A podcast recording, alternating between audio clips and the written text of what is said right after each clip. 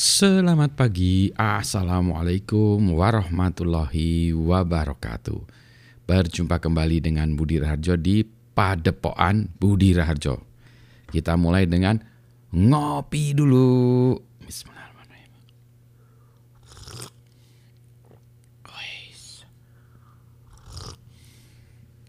Luar biasa kopinya Kopi hari ini dari kopinya Isnet uh, Java Halu Coffee Farm.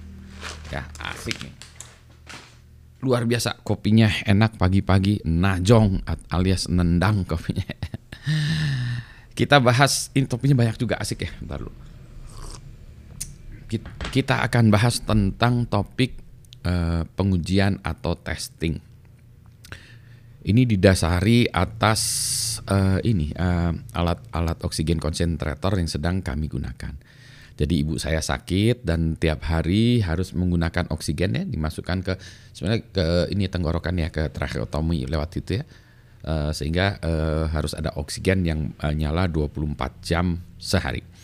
Uh, kalau ini ya uh, kalau orang-orang kan kalau di rumah sakit itu ada yang menggunakan gas ya uh, maksudnya gas ya disediakan dari gas. Nah, cuma kalau gas itu kalau tabung yang kecil itu kecil tuh tingginya mungkin semeter ya. Itu biasanya tiga jam habis.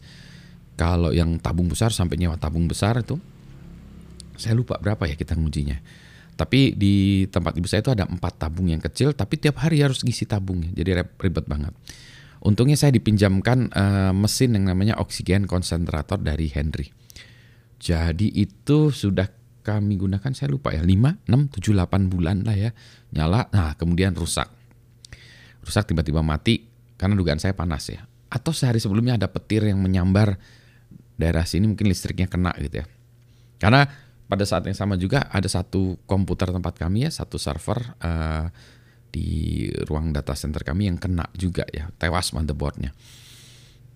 Anyway itu kemudian kami putuskan ya saya pergi ke tempat toko uh, apa namanya toko peralatan medikal medis ya. Uh, di Bandung ini ada saya tidak sebutkan namanya. Kemudian saya cari-cari tuh wah harganya berapa? Beli ya. Nah cari-cari dulu search search search. Ternyata oksigen konsentrator tuh ada banyak-banyak jenisnya. Nah akhirnya yang yang di, sekarang lagi dipakai pinjaman itu kemungkinan harganya sekitar 20 jutaan. Akhirnya saya beli yang sembilan setengah juta. Udah Harganya 11 juta sih sebetulnya, tapi kemudian didiskon jadi sembilan setengah. Bawa ke rumah, baru dua hari rusak lagi yang baru ini. Yang satu saya bawa ke bengkel. Oh ya tadi saya belum cerita itu saya bawa bengkel ke uh, itu tadi ya toko alat-alat medis saya bawa ke sana, saya beli yang baru. Yang ba yang barunya ini baru dua tiga hari dua hari kayaknya uh, rusak. Jadi saya bawa lagi ke sana. Jadi ada dua yang di sana tuh. Jadi kami waktu itu berubah menjadi tabung gas lagi ya. Waduh, ribetnya luar mati. Uh, apa uh, setengah mati. Nah jadi alat itu yang yang satu bagus ya sebetulnya udah. Oh, dua. Wah susah setengah mati. Gimana ini gitu ya? Wah, akhirnya pakai tabung. Setelah dua minggu ya? Seminggu atau seminggu kali ya? Seminggu ya? Seminggu alat yang ini kembali lagi. Eh dua minggu ya? Alat ini kembali. Sementara itu kami harus itu ya eh, bolak balik bolak balik ngasih ngisi tabung ya. Alat yang tadi diperbaiki yang pertama balik baru tiga hari rusak lagi. Kalau alat yang baru tadi itu memang rusak dari pabriknya ternyata. Uh, baru dua hari gitu dibalikin lagi terus dicek oh itu ternyata kayak peralatan yang faulty ya uh, rusak dari pabriknya. Jadi dikirim balik dari pabriknya.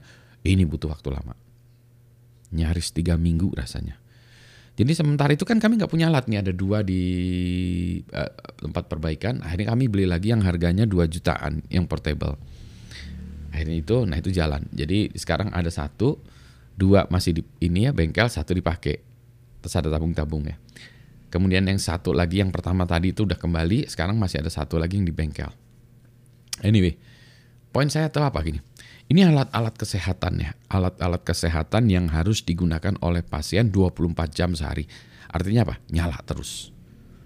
Membuat sebuah alat yang sangat tinggi reliability-nya seperti itu yang kesehatan bukan hanya kesehatan ya nyawa pasien bergantung kepada alat itu kan susah banget ya alatnya harus berjalan 24 jam sehari terus menerus Nah alat ini susahnya apa? Uh, sebetulnya dari kata katanya ya, desain prosesnya itu sederhana, tapi alatnya itu harus memisahkan uh, oksigen ya dari udara ini.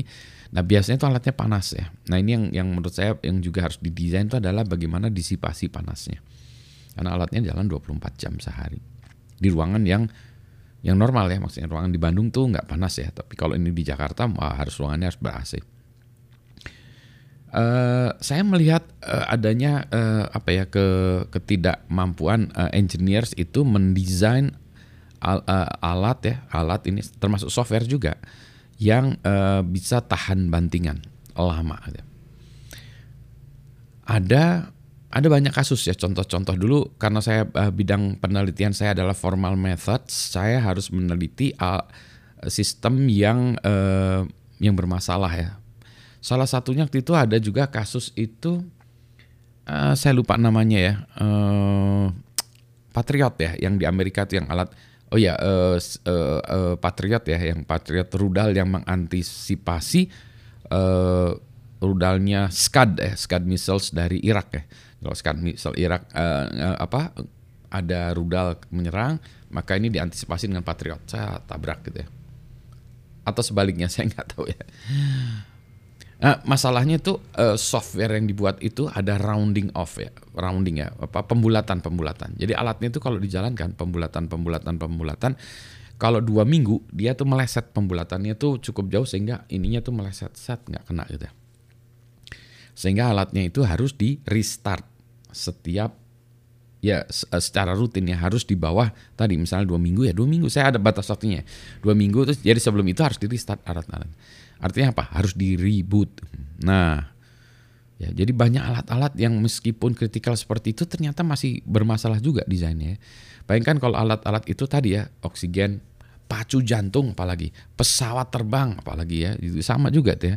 Jadi mission critical uh, systems itu memang harus didesain dengan bagus diujinya dengan bagus.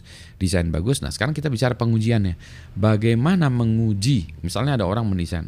Pak ini saya udah mendesain alat apa pun ya alatnya uh, atau software. Bagaimana mengujinya? Nah mengujinya ada yang kita sebutkan adalah load test. Eh, sorry pengujian ini yang macam-macam. Yang pertama functional dulu ya fungsi diuji terus sambil minum dulu sebentar. Memang kalau diuji harusnya jalan ya theoretically harusnya kalau sekali jalan ya jalan terus ya. Tetapi kan itu belum tentu ya. Dengan input yang berbeda hasilnya bisa berbeda. Bisa uh, sesuatu tuh crash ini ya.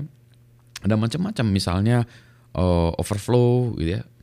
Sehingga ya itulah dia ya. Jadi harus diuji beberapa kali banyak ya terus menerus. Itu uji fungsional. Nah, ada juga ujian yang tidak fungsional ya. Misalnya tadi performance, security, reliability kayak tadi alatnya dijalankan lama ya. Ternyata panas ya, panas. Nah, itu kan fungsionalnya alatnya sebenarnya jalan, fungsinya jalan. Tapi begitu panas tidak jalan. Itu sama kalau Anda disuruh buat notebook ya. Notebook atau komputer dijalankannya gimana? Kan itu harus kalau notebook kan susahnya tipis ya. Jadi itu eh, sirkulasi udaranya susah. Kalau komputer desktop kita kan ada kipas ya, ada fan itu sehingga angin bisa masuk. Kalau di notebook kita gimana? Ada juga yang pakai fan ya. Notebook notebook yang lama itu pakai fan, di dalam itu ada kipas yang kecil. Jadi kalau dia uh, mulai panas dia bunyi, bunyi kencang ya ada suaranya, hmm, gitu ya.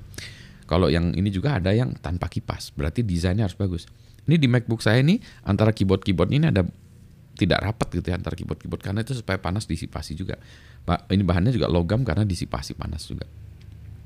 Nah, e, kalau kita menguji beberapa lama itu kan susah. Misalnya saya harus menguji alat ini bisa berjalan setahun gitu. Berarti emang apakah alatnya harus dijalankan setahun?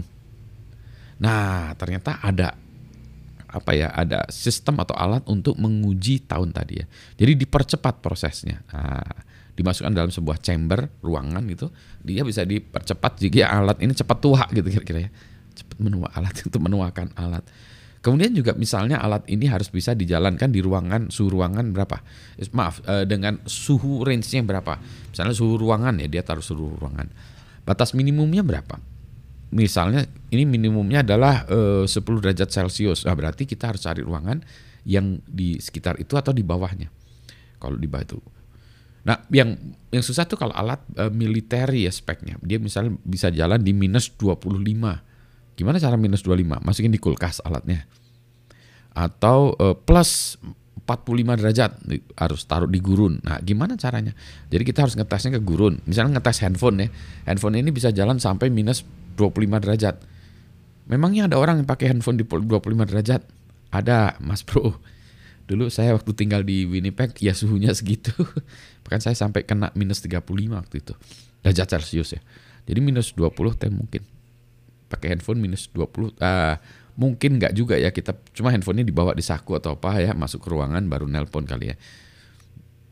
Dulu waktu saya di sana belum ada zaman handphone sih. Saya masih kepikiran orang kalau minus 20 itu nelpon pinggir jalan enggak. Kemungkinan, kemungkinan sih enggak ya. Tapi tetap aja dingin ya. Nah, dingin. Nah, itu juga ada chamber untuk meningkat apa membuat lingkungannya minus 25 derajat Celcius plus 45 dicoba ini tuh. Bayangkan tuh kalau dari minus 25 sampai plus 45 tuh jadi range-nya berapa? 60 70 derajat Celcius ya. Itu uh, kan berarti uh, apa melar melar apa ya? Alatnya itu mekarnya itu wah itu luar biasa ini. Jadi susah juga ya ternyata uh, menguji gitu ya. Tapi tadi ya alat-alat kesehatan bagaimana mengujinya, nah itu dia. Ini ini saya baru pembukaan aja ya soal menguji. Ini kenapa menguji itu penting gitu ya. Kalau Anda mendesain alat pacu jantung, beranikah Anda menggunakan alat pacu jantung itu Anda berikan ke ibu Anda gitu. itu adalah the final atau ya the, apa the pengujian yang paling hebat ya. Kalau nggak jalan orang tua Anda meninggal gimana? Berani nggak? Kalau nggak berani kenapa Anda harus menjualkan alat itu untuk orang tua orang lain kan ya. Jadi uh, itulah ya, itulah harus kita berhati-hati. Ini udah kelamaan uh, ininya ya uh, ceritanya. Saya minum kopi dulu sebentar. Kita sambung lagi deh di tempat lain bahas bahasannya. Ini minggu pagi bahasannya berat ini. Selamat pagi. Assalamualaikum warahmatullahi wabarakatuh. Semoga sehat semuanya ya. Sehingga tidak perlu menggunakan alat oksigen tadi yang mana ribet luar biasa ya. Sehat-sehat semua ya untuk kita semua orang tua kita juga. Selamat pagi. Assalamualaikum.